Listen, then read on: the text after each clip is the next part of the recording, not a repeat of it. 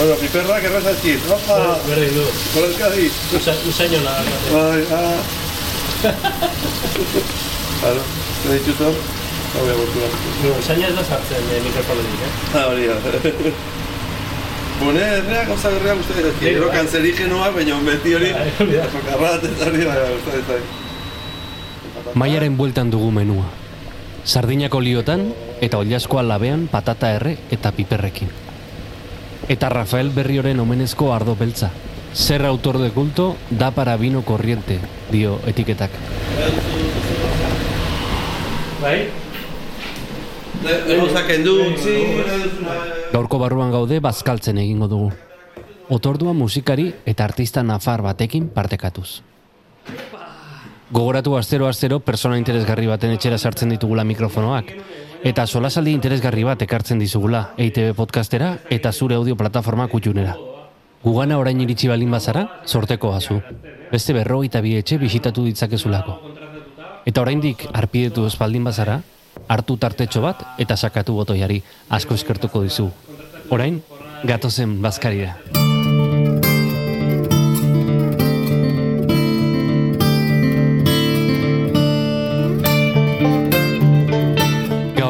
Gauden, Joseba Irazokirekin bazkalduko dugu.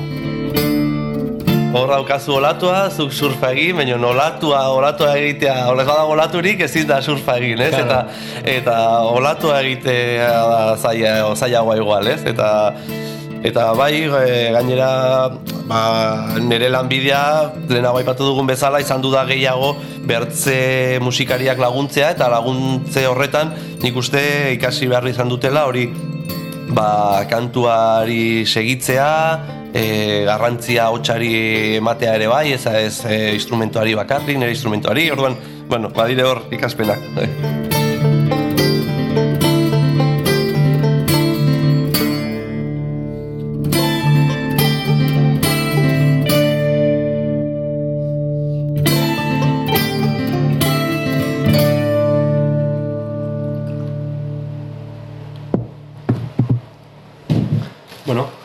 Txin, barruan gaude.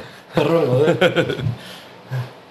Ardoa daztatuz hasi dugu bazkaria eta Josebaren bizkarretan dagoen sukaldeko paretak atentzioa deitzen du. Kontzertuetako kartelez estalita dagoela. Hori zen, ba, oso kontzertutara joatekoa izan naiz, oraindik ba naiz, baina egiarran, orain tope lanean ari naiz, azken urtetan, eta mm, ga, gero eta kontzertu gutxi gotara joaten naiz, baina saiatzen naiz aste tartez joaten, edo libre daukatenean, orain alaba daukatene bai. Ba, hori orduan, kontzertutara joaten nintzenean, ba, ohitura nuen, ba, kartelak gustatzen bat izan ba, hartzeko edo, eta behin itxian pilatuta nitula, garen, ba, pues, e, zergatik ez paretan jarri, eta hori paretan jartzen joan nintzen, ba, hori, ba, musika estudian jarri nituen, eta gero ere sukaldean, eta bueno, Baten dio rollo, rollo musikerua. Eh, Hau dira, zu- zue ontzean kontzertuak, denak. Mm, den denak ez. Ariaz bi askonik duzena, e, Bai. Felix eta nerea gontziren Madriden, Bai. eta ekarri zidaten, gero Blues Explosionena, bidez, ba, bueno, edo ere bai txukun jartzeko, badaude Ruta 66 aldizkariko poster batzuk ekartzen zituztenak, Eta netikan, ez? Zureak ere, bai? danetik neretik ba, ba horren mogambon bat, mogamboko bat, batzutan ez, ez, Bai. ez dena. Hori ere, ere Gero- soto, sotoko hotxak eta... Fotoko hotxa, bai, gero nire aurpegia agertzen zait gustatzen, edo bueno, eh? Baina batu, inkognito nagona, hau, hau nire nahi zon Benito, un Benitorekin jotzen genueneko... Hori zuzea? Bai, Ostras! on Benito, on Benito marrazten ginen, bueno, eh, aurpegia marra, margotzen genuen, eta hori nahi, bai, bai. Ba, zeu desberdina zauden, eh? Bai, baina hori peluka eta dena, bai, bai. Joseba Irazoki animalia bat da. Animalia musikala. Gitarra astindu du amaika proiektutan. Banjoa ere bai. Pedal estila. Bere proiektuetan eta besteenetan. Eszenatoki erraldoietan ibili da Nacho Vegas, Mikel Erentzun eta Ator Rumba proiektuekin jotzen besteak beste. Baina hau dena ulertzeko atzera egin behar dugu. Haurtzarora lehenengo eta nera bezarora gero. Ba... Eh, zakit, eh, nire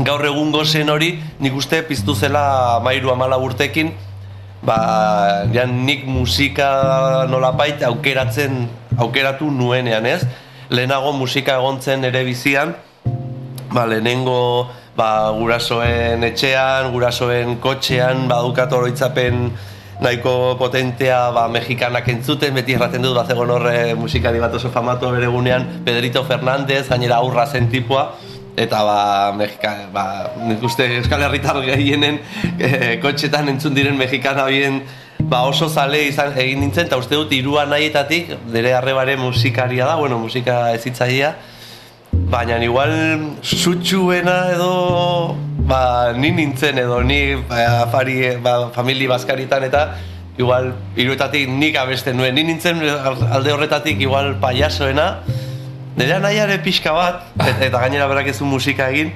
baina nik jartzen nintzen, ba, ba, ba, hori Baskari herrian, ba, hori Pedrito Fernandezen kanto hiek abesten, eta eta gero ba, musika eskolan hasi nintzen bertze aurrak bezala, baina egia da musika horre, e, momentu horretan, e, berako musika eskola txikia zen, ez egon e, apenas instrumentorik ikasteko, eta eskaintzen zena zen edo pianoa edo akordioia. Nik, e, ni oroitzen naizen naz. Eta hor argi izan nun, nik hori ez, ez nuela instrumento horiek ez nitula nahi. Nik gitarra nahi nuela, ez? Bi urte zerizaintza ikasten egon ostean, gurasoi esan zien, hori etzela bere bidea. Berak musikaria izan nahi zuela, eta roka ikasi nahi zuela. Erizain, hasi nintzen, bai? Baina, eh, Hor, hor, ja, bai, hasieratik ez nuen nahi izan, eh? baina unibertsitatea mar nuela eta eta hor utzi nuen ja bigarren urtean berriro jarri nitu mai inguruan, erran ez ez ez nik musikaria izan nahi hau dut. ez da, hau ez da nere Hori bide. da, hori da, bai. Gurasoek kaso egin zioten eta rock eskola bat bilatzeari ekin zioten. Baina non de Montre ikasi daiteke roka? Londresen horrelako Guitar Institute deitzen zitzaion eskola bat, aukitu genuen. Eta gurasoak, ba, ba esfortzu ekonomiko potente bat egiten, beraiako, ba, zirelako aberatsak edo, ba, aruntza joan nintzen, eta hor egin nituen nire gitarra ikasketak, gogorra izan zen, e, hau nintzik hasi nun, Bai, Badaukat oroitzapen ona, baina mm, gogorra izan zen, erran dizun den bezala, oroitzapena, oroitzapena dut ez, e, gauza da, banekila, nire gurasoak esfortzu ekonomika potentea egiten ari zirela, bai. orduan, ba, nire bi, bizian e, zen eskola, orduak etxean eskola, asteburuak ikasten, ikasten, ikasten, orduan, e, alde batetik hori, baina hori ez nuen guztiz gaizki eramaten, baina gero, e, garai horietan ez zeuden ez zegoen internetik ezer, orduan lotura unitz neukan nik herriarekin, nire lagunekin, taldea, familia, orduan kontaktoa edo gutune zen, edo astean behin deitzen zidaten gurasoak, eta lagunekin ere ez nuen kontaktorik, eta hori bai gaizki eraman nuela, baina bueno, alde bat bertze aldetik, hori erraten zuten bezala, ba nenguen ikasten serio, eta kursoa ongi ateri nun, eta bueno, alde horretatik ongi. Patatak ditu baritu.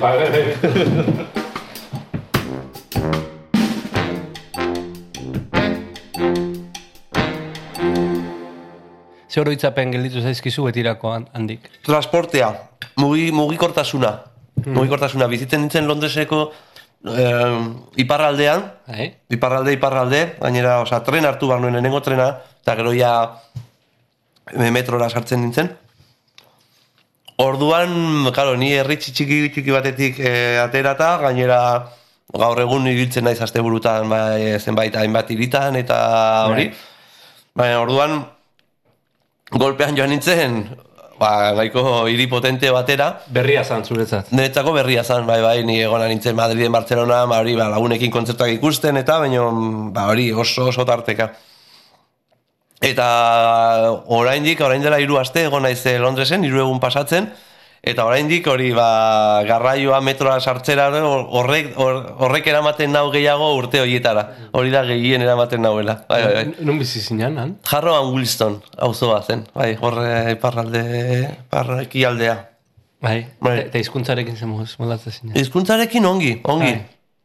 Joaten nintzen, ba, ba EGB, irugarren EGB, gero koun ere egin baina e, maia uste dut hartu mana mi, maia Oinarrizkoa, bai. oinarrizko hori, irugarren maia minimoni. Uste dut eukinela irakasle bat hasieran irutu zitzaiguna gogorra, baina kriston irakasle hona zen, eta irugarren maila horretan uste dut ikasi nola pila bat, bo pila bat, oinarrizkoa, Eta horrekin joan nintzen, horrekin joan nintzen, eta den, e, ikasle guztiak, Londra inglesak ziren, Ja. inglesak denak.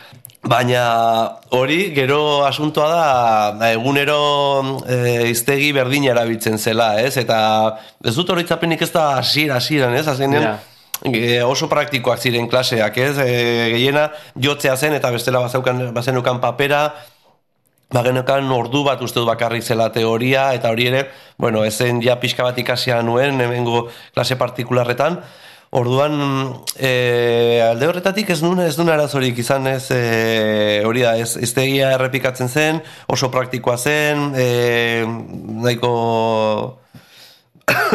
bai, e, Bai. jakit, e, bisiblea zen egiten zen guztia eta ez nuen arazorik euki. uste. Eta zer akusten da rock eskola batean, no?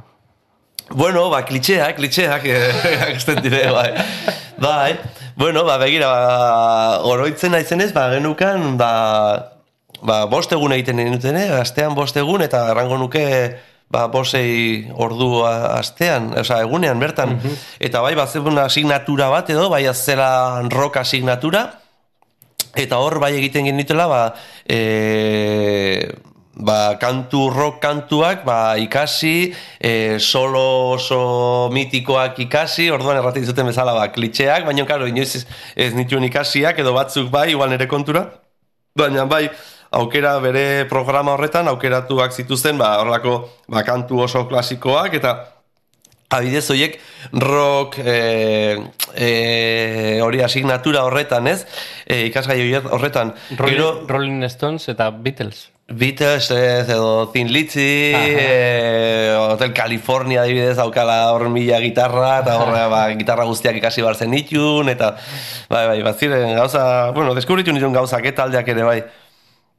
Gero adibidez bluesean, e, bai hor, e, azkenean roka oinarritzen da honitz bluesean, eta hor bai bazeudela eus- eskala desberdinak ikasi beharrak, hor igual teorikoagoa zen bluesa, baina nire bai bazegoen atal bat, non pentatonika eskalak direla bluesean eskatzen, e, erabiltzen diren eskalak ikasten zen ditunean, ba, bai, e, bazen ditun, ba, blues licks edo blues esaldiak deitzen zaizkion horiek, ba, ba, Bibi Kinen esaldia, e, ezakit, e, Albert Kinen esaldia, horlako, ba, berriro ere, ba, gitarrista, blues gitarrista mitikoen esaldiak ikasi bartzen ditula, eta gero, ba, bueno, Bai. Ba, gero, ba, genukean ere, teoria, e, jasa, jasaren hasieran, gero beste asignatura bat, akordeak, akordeak, bueno, oikoak diren akordeak ez dire zaiak, baina hor, ba, ba, jas munduan jasartzen dire, ba, beste akorde motak, me, septimak, e, novenak, eta horlako gauzak, eta gero konboa ere ukitzen genuen, beste e, instrumentoko ikasleekin e, juntatzen ginen egun bat, egoten zen, eta gutxi gora berari hori izan gure eskola. Londresera joan zen Joseba Irazoki eta handik itzuli zena? Ez ziren persona bera. Ez bintzat alor musikalean. Ez, ez, ez, ez, ez da, ez zen berdina musikalki euneko, euneko un, euneko un ez berdina, ez? E, uste dut, ba, teknikoki, ba, ba ez neukan teknika txarra ja banituen urte batzuk gitarra jotzen, eta e, ba, beran ere, ba, orduak sartzen dituen, ere etxean, eta Baina hori ba, erikizian hori ba, ba, mundu bat ez, naiz da gerora konturatu nintzen, gerora edo oso gutxira konturatu nintzen, ba hori ba, kilitxeen munduan ibili nintzela eskolan, e, ba, ba bai ez, ba horra hasi nintzen ba jas e, mundua pixkat ezagutzen, nola funtzionatzen zuen, eta gero batez ere gogoan dut, ba, bai, e, nik igual buruan nuen e, gitarrista, lead gitarrist de- deitzen den hori e, izateko prestatzen nintzen gehiago edo eta horrean nola da, ba, soloak eta egiten zituen gitarrista, baina nor ikasi nuen gehiago a, ba, akonpainatzeko edo ere bai e, ba, gitarrak baditula ba, rekurso haunitz eta bueno, ba, rekurso horiek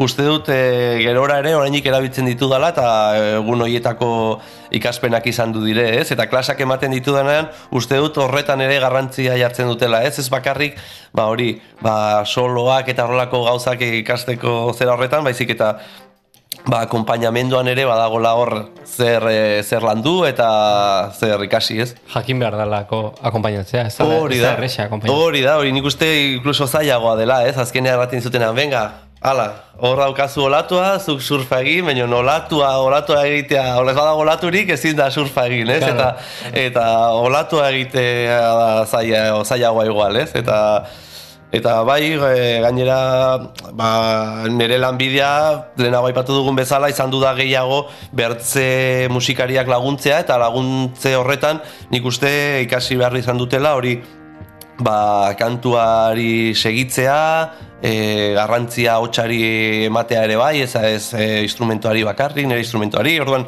bueno, badire hor ikaspenak.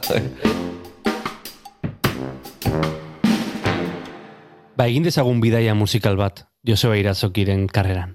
Bueno, ba, hor ja, Londresetik bueltan, uste dut, e, lehenengo, lehenengo lana, izan zen maixa eta isiarrekin, eta aldi berean hasi nintzen ere bai Xavier Montoyakin, baina Xavier Montoyarekin igual ez nuen e, horrela soldatarik edo edukitzen, eta maixa eta isiarrekin bai izan zen, ba, ba, lanbidea e, hasi zen horrekin, ez? E, ba, egiten genituelako denboradak martxoan hasi, ba, urri arte e, bukatzekoa, ba, egiten genituen, zakit, e, berrogeita marre, un kontzertutarako kopuru hori, soldata batekin, eta hortik ez dakit, bueno, gaina nerea da, bueno, grabatu nuen disko bakarrean, hor e, saltu nituen nire ilu, lau kanta, hor hasi ziren, hor hasi zen ere bai, momentu batean hasi nintzen ere bai, gauza komposatzen, eta...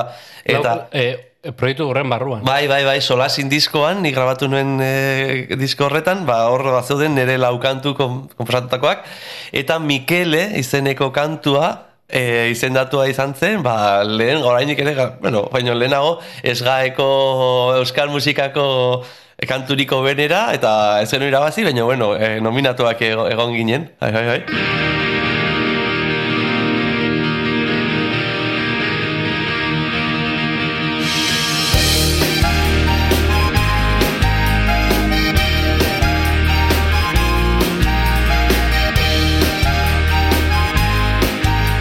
bai. Nola da, eh? Uh, Mikele, na na na na na na na, Zakit, itza, ez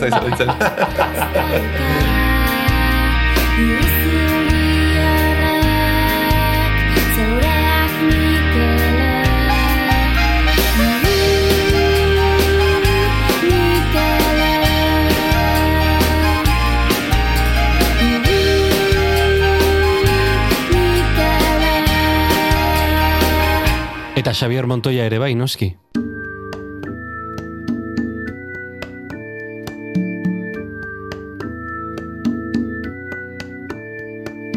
e, Xavier Montoyaren disko bi grabatu genitun, baina lehenengo diskoa gusartu ginen e, diskoa grabatuta zegoenean. Oraindik emeakeko musikariak grabatu zuten diskoa eta gero sartu ginen gi, gu. Eta uste dut, ez dakit, gehien gustatzen zaidan diskoa da, ni grabatu ez duen diskoa. eta, jo, hor badide diskorretan kantu pila bat.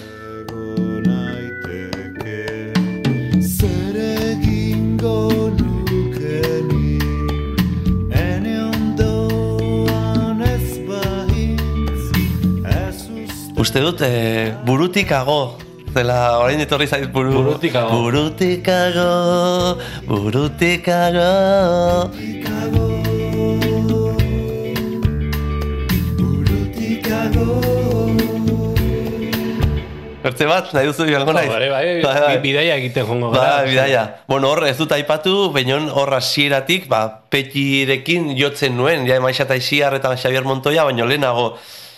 Orduan, nik uste, orduan txobainikan egia da, igual Maixa eta Isiarrekin, e, orainik petik ez duela bere lehen diska argitaratu, amets bat diskoa, baina Xavier Montoyarekin hasi ginean, bai, e, e, oroitzen naiz, ba, peti gurekin e, etortzen zelako kontzertutara, eta gure kontzertuak idekitzen zitulako, eta horrela, eta orduan ja hor hasian nintzen berarekin duoan kontzertu batzuk egiten, Eta bere disko horretan, e, akustikoan grabatu zuen, baina bazauden bi hiru kanta e, ba, e, etxeko guzta gure berako taldearekin grabatu zitula, eta hor bertan nengon nik.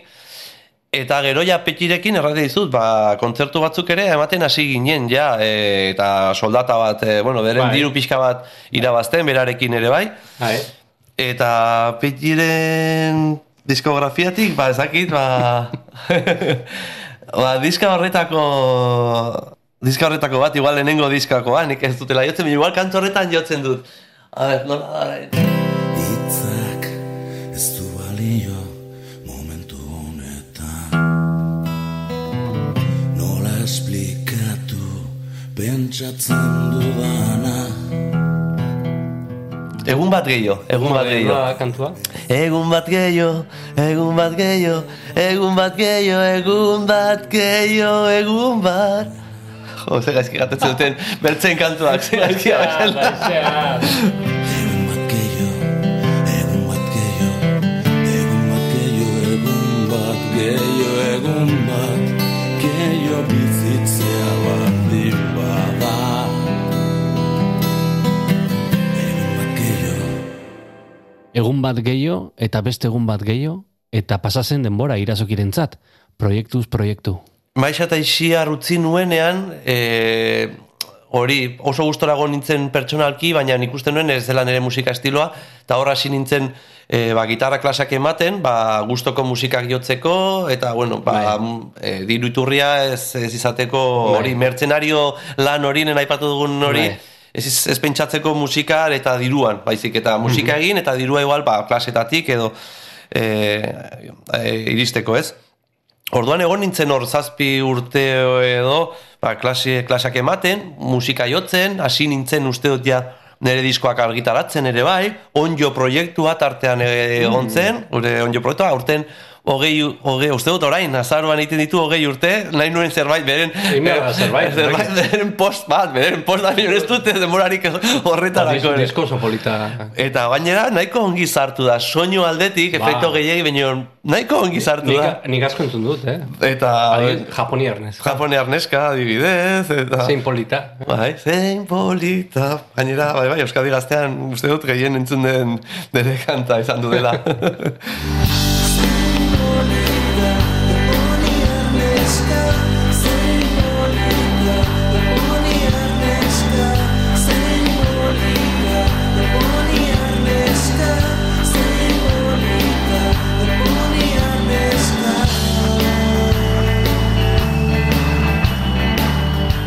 Eta bai hor, de repente hor gertatu zela, bai salto bat. Lehenengo saltoan ikuste izan zela, ja aton rumba taldearekin jotzen astean, ez? Gainera, ba, igual Euskal Herriko publikoarentzako ez dakit, e, nengoen bertze e, hori, gehiago lagun, bertzendako laguntzaile, kantautoreak laguntzen edo, baina hor, ba, igual erakutsi nuen modu batean, ba, roka egiten nuela, eta estenatokian, ba, ba, ba neukala bertze e, pertsonalidade bat, ez?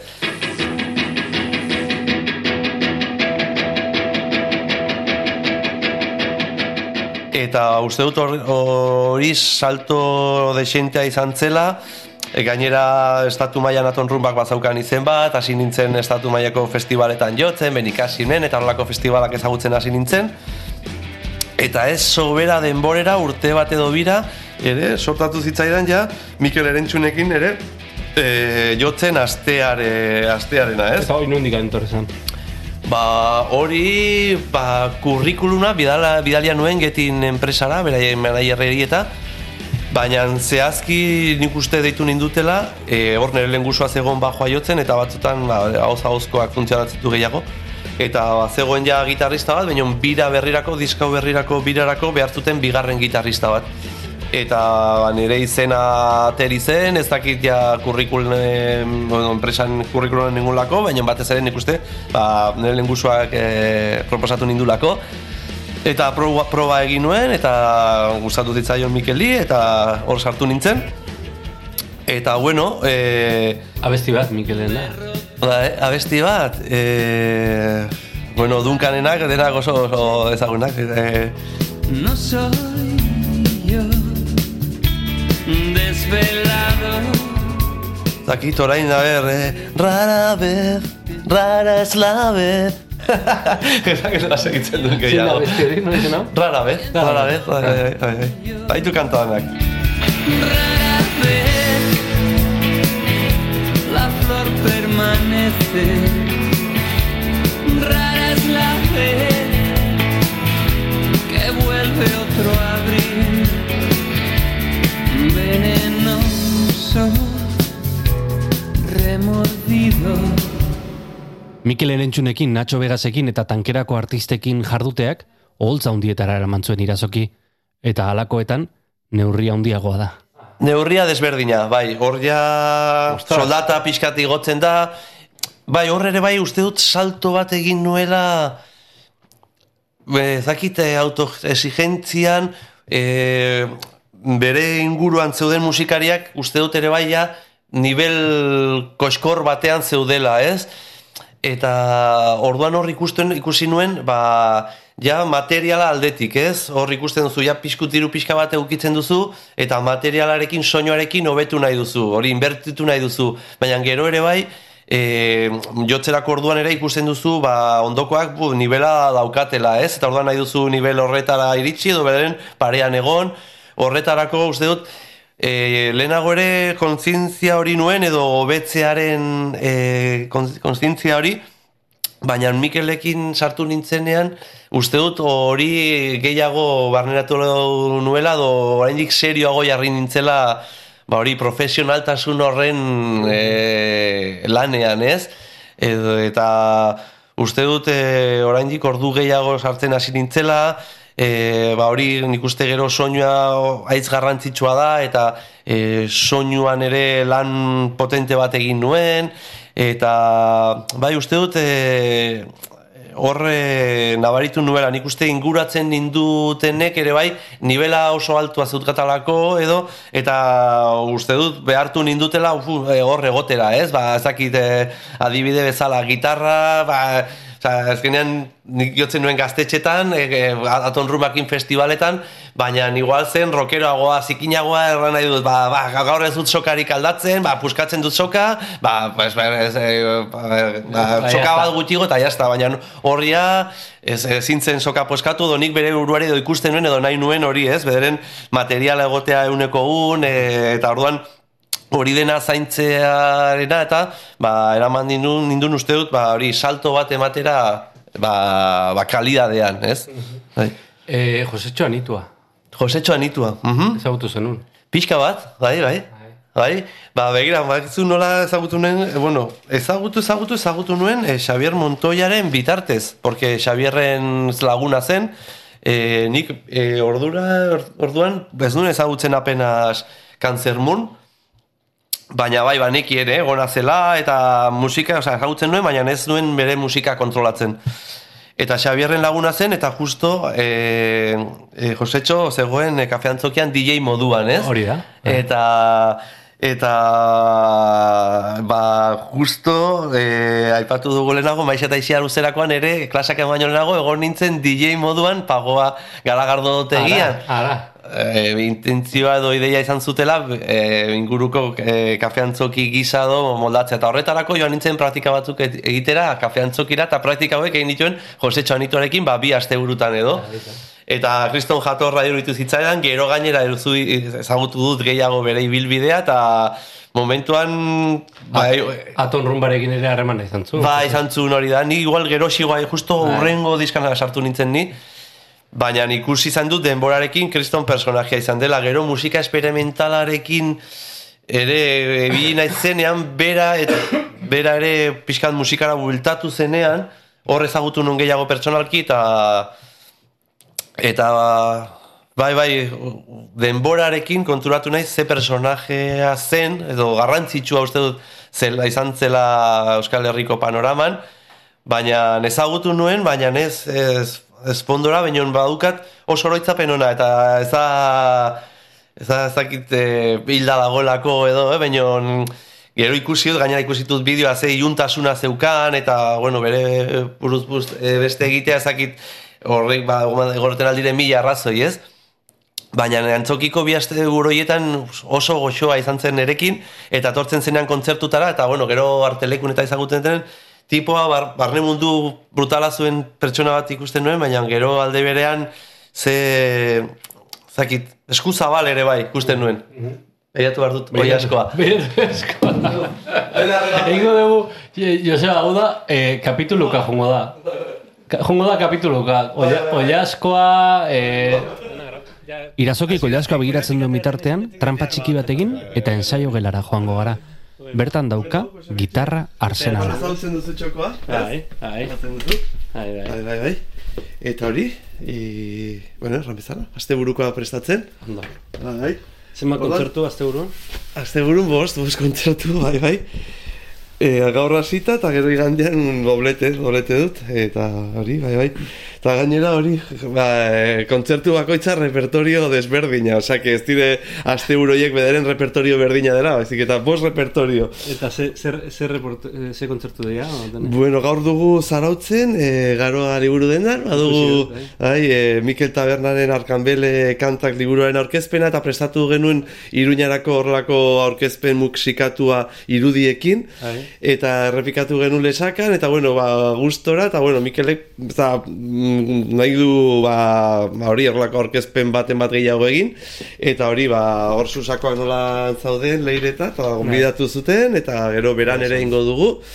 Eta hori gaur, gero bihar lagunen boloa dugu, seguran, e, larun batean peki, eta igandean e, badukagu beñataxairekin ezkoitiko mata deixen, eta gero oinatin Maria Berasarterekin. Osea, que... Eta gutxi.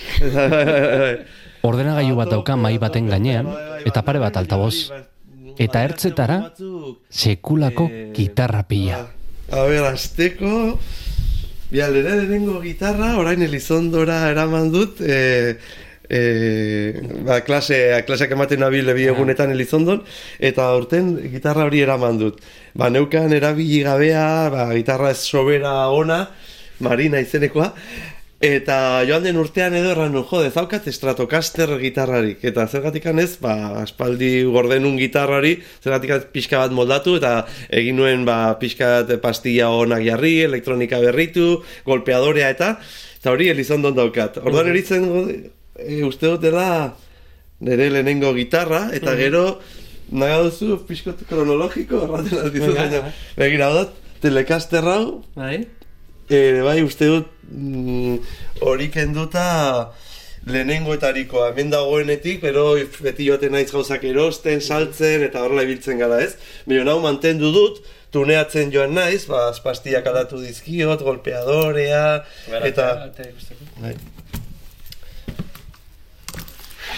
Mira, jarri nion bipsibia, zubi aldatu nion, golpeadorea...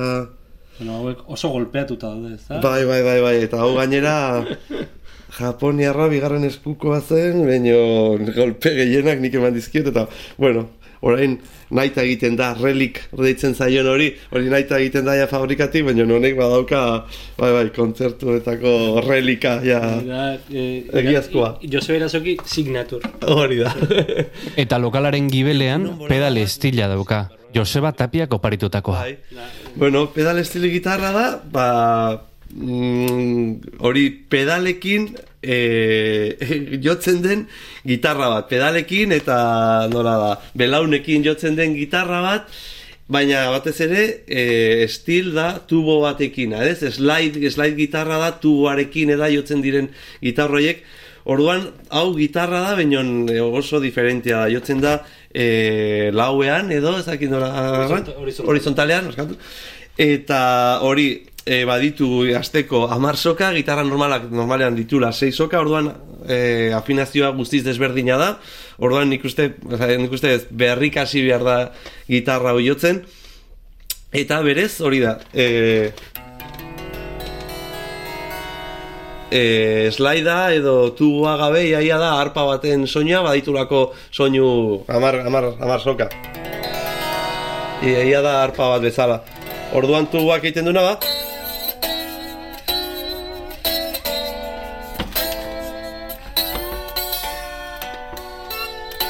Hori da praktikatu gabe, nago.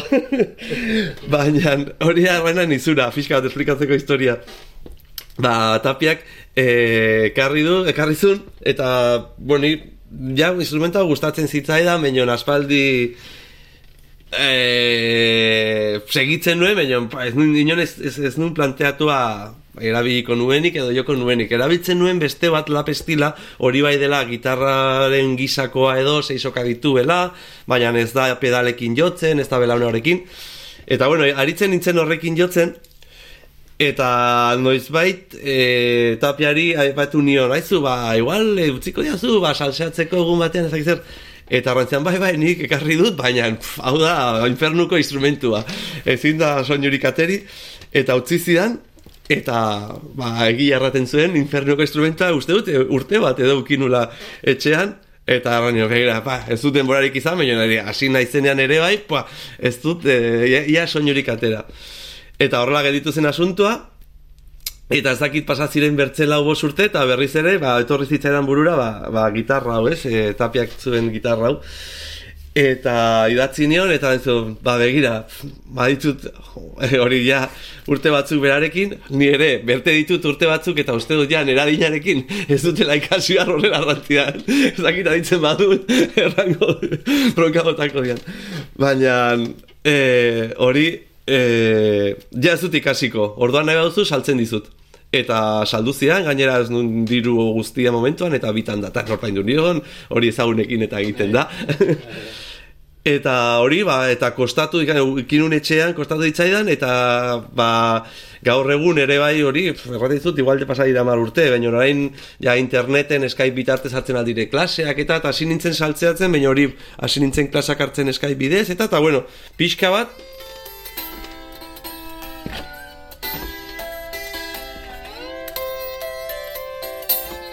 Pedale estilo honekin, bazkarira itzuliko gara. Ollaskoa jan bitartean, Joseba Irazokiren bakarkako ibilbidea hitz egiteko. Bo, lehenengo pausua izan zen hori, onjo, onjo diskoa ergitaratzera azkenen, talde izena zeukan, baina hor hitzak eta musika eta dena zen neria, ez? Baina hori bazan, hori bazan roka, popa... Bai, bai, hori hor, hor bazan, bai. Hortak, eta gero hori eh, ez genuen jarraitu proiekturekin, baina nik jarraitu nuen eh, musika komposatzen, kantuak egiten, eta erraten dizuten bezala gehiago ezakit, kantautore gisako piezak eh, musikatzen, akustikarekin aritzen nintzen nahiko, Oso melodikoak... oso melodikoa. Folk, folkiak. Hor nik uste ere bai e, baten batek eh, ahotsaren doinoagatik erraten zidaten ba, laboaren e, horla e, ekutxuak edo eukitzen al nitula eta hor egin nituen pues igual zenbat disko egin duen onjo gero irrita solas izan zela demo bat bezala baina bueno, bueno, baina kantuak badire gero gizona zakurre egin zen pobre gara gero split bat Brian Michael Ruffekin eta euriari du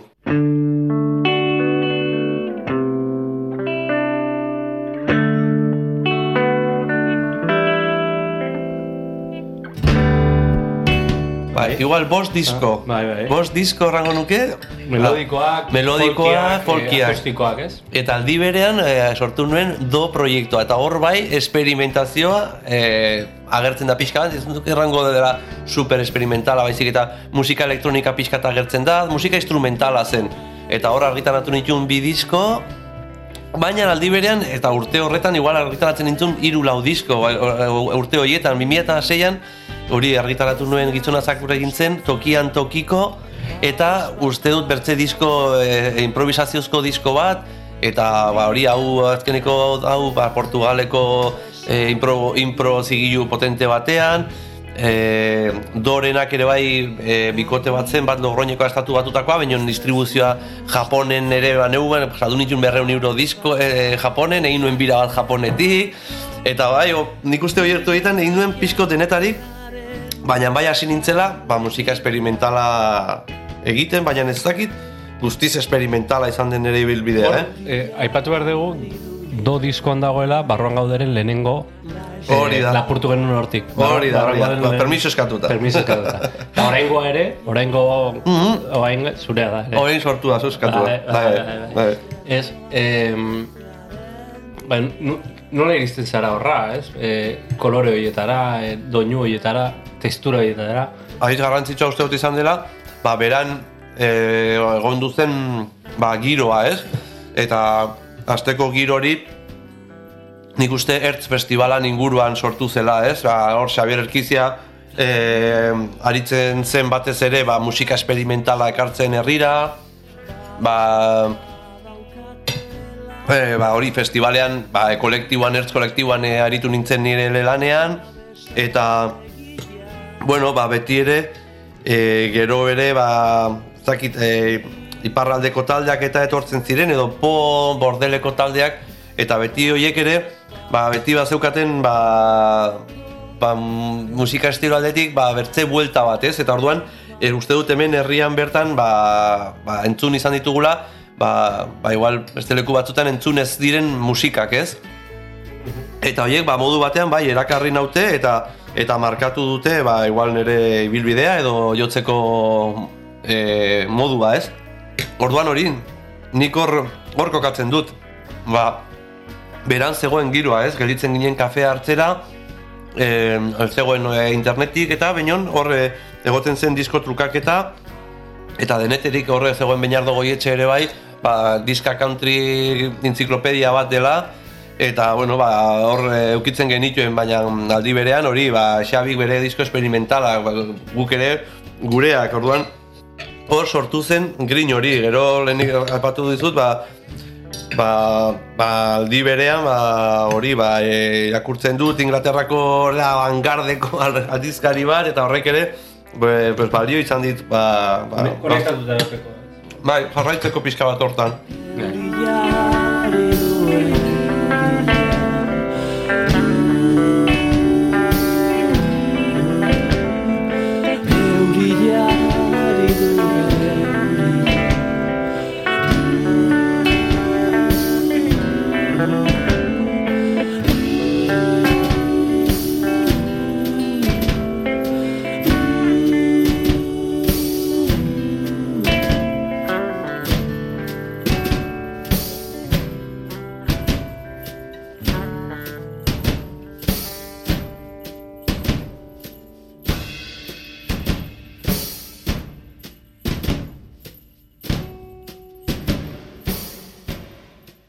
2000 eta hogeita bateko azaroa da elkarrezketa hau grabatu dugun unea, eta hiru diskoa kaleratu berri du.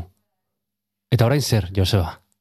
Ja, argitaratu du diskoa, e, bira martxan dago, mm, egan edut, e, uste dut, ja, mm, ari garela maila bat ematen ja zuzenekotan, kostatzen duela hori batzutan. Rodajea. Eh? Rodajea. Orduan ja gara urte bete eta piko, orduan rodajea indugu. Orduan orain dela hilabete bat erraten badiazu, hori dena zen burutan nukana, ez? Ba, ba taldearekin rodeaje hartu, eta eta bueno, diska orkestu, e, eta hori dena. Ba, orain bertan, egon nintzen nahiko estresatua iraian, Be orain porlako lasaitu bat hartu dut, hori martxan dagolako bira, uste dut e, ongiari garela, kritika onak izan ditugu zuzenekoena, e, gero udan Nacho Vegasen diskoa grabatu nuen, e, neria bukatu nuen, orduan horregon esan du da, joan den urtea, Osa, nahiko potentea lanarekiko eta estresarekiko, ez? Eta orain bertan hasi naiz pixka lasaitzen, gozatzen, orduan orain bertan go, uste dut, tokatzen zaidala gozatzea. Gozatzea tokatzen zaidala. E, Nacho Vegasekin urtarrian ere aste naiz bira, nahiago izan nun pixka berandago hasiko balitz, or, agendekin burrukak ez eukitzeko. Eta orduan, orain bertan hori, e, pandemian, diska, argitaratuten diska berria, bai da nahiko disko pandemikoa, han, eh, bueno, han bederen sortu zen, eta bertan ere landu nuen gitarra utxezko pieza batzuk landu nituen, eta nahiko nuke, urren urtean, igual, ba, ba, ez dakit, bertze modu batera, ez dakit, igual kanpoko zigilu batean, hemengo Euskal Herriko zirkuitorako ikusten aldutelako, baina, baina nahiko nuke, ba, gitarra utxezko disko bat grabatu, ezakit argitaratu. Baina hori da oraintxe musikalki duten duten, bai, duten aburuan.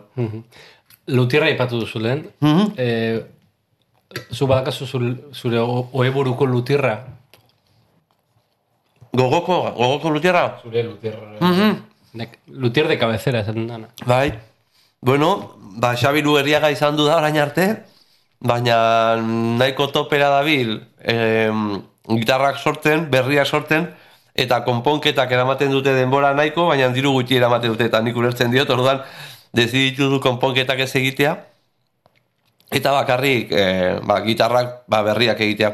Orduan hor nago orain ez dakitela, gustatzen zait ere bai honitz e, Donostiko Sergio Callejo. Eramaten dizun diozunean, zure instrumenta bueltatzen da ja berria balitz bezala.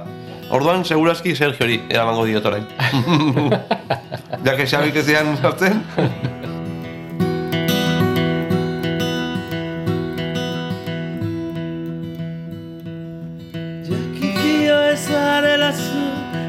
duzula izan nahi Jakik dio ez zarela zu, ez duzula izan nahi Telebistak ere dio, ez duzula izan nahi Telebistak ere dio, ez duzula izan nahi Izan zaren animalia Eskertu etxokateak zabaltzeatik.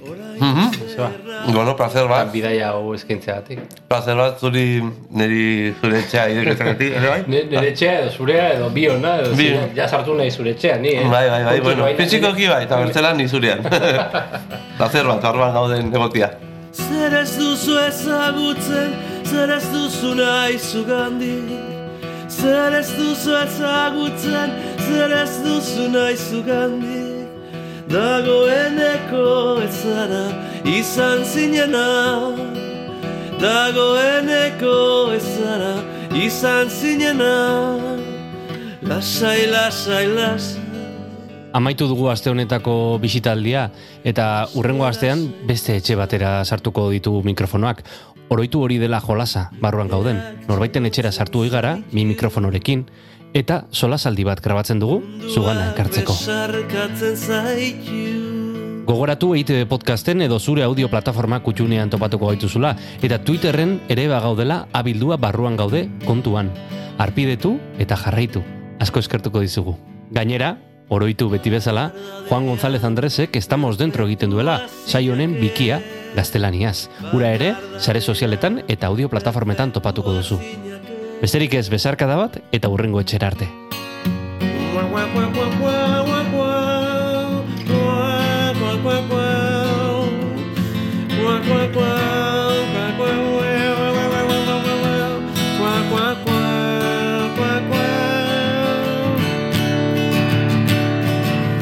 Ies egiteko planerotan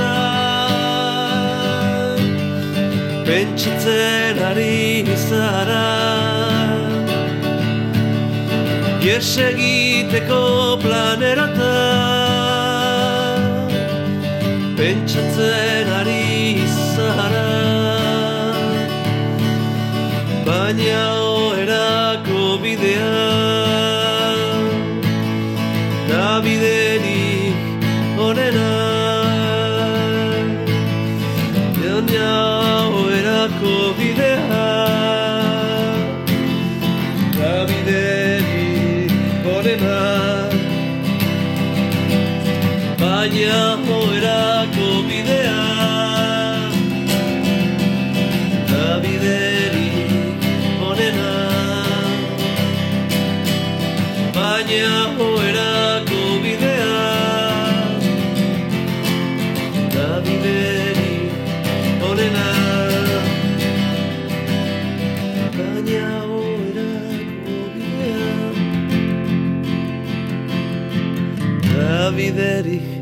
onena Listo, listo. Zea besti zen, hau? Hori jakik dio. Aizko berrikoa, jakik dio. Bai. Ei, txt, entzun hori. Ulu Media.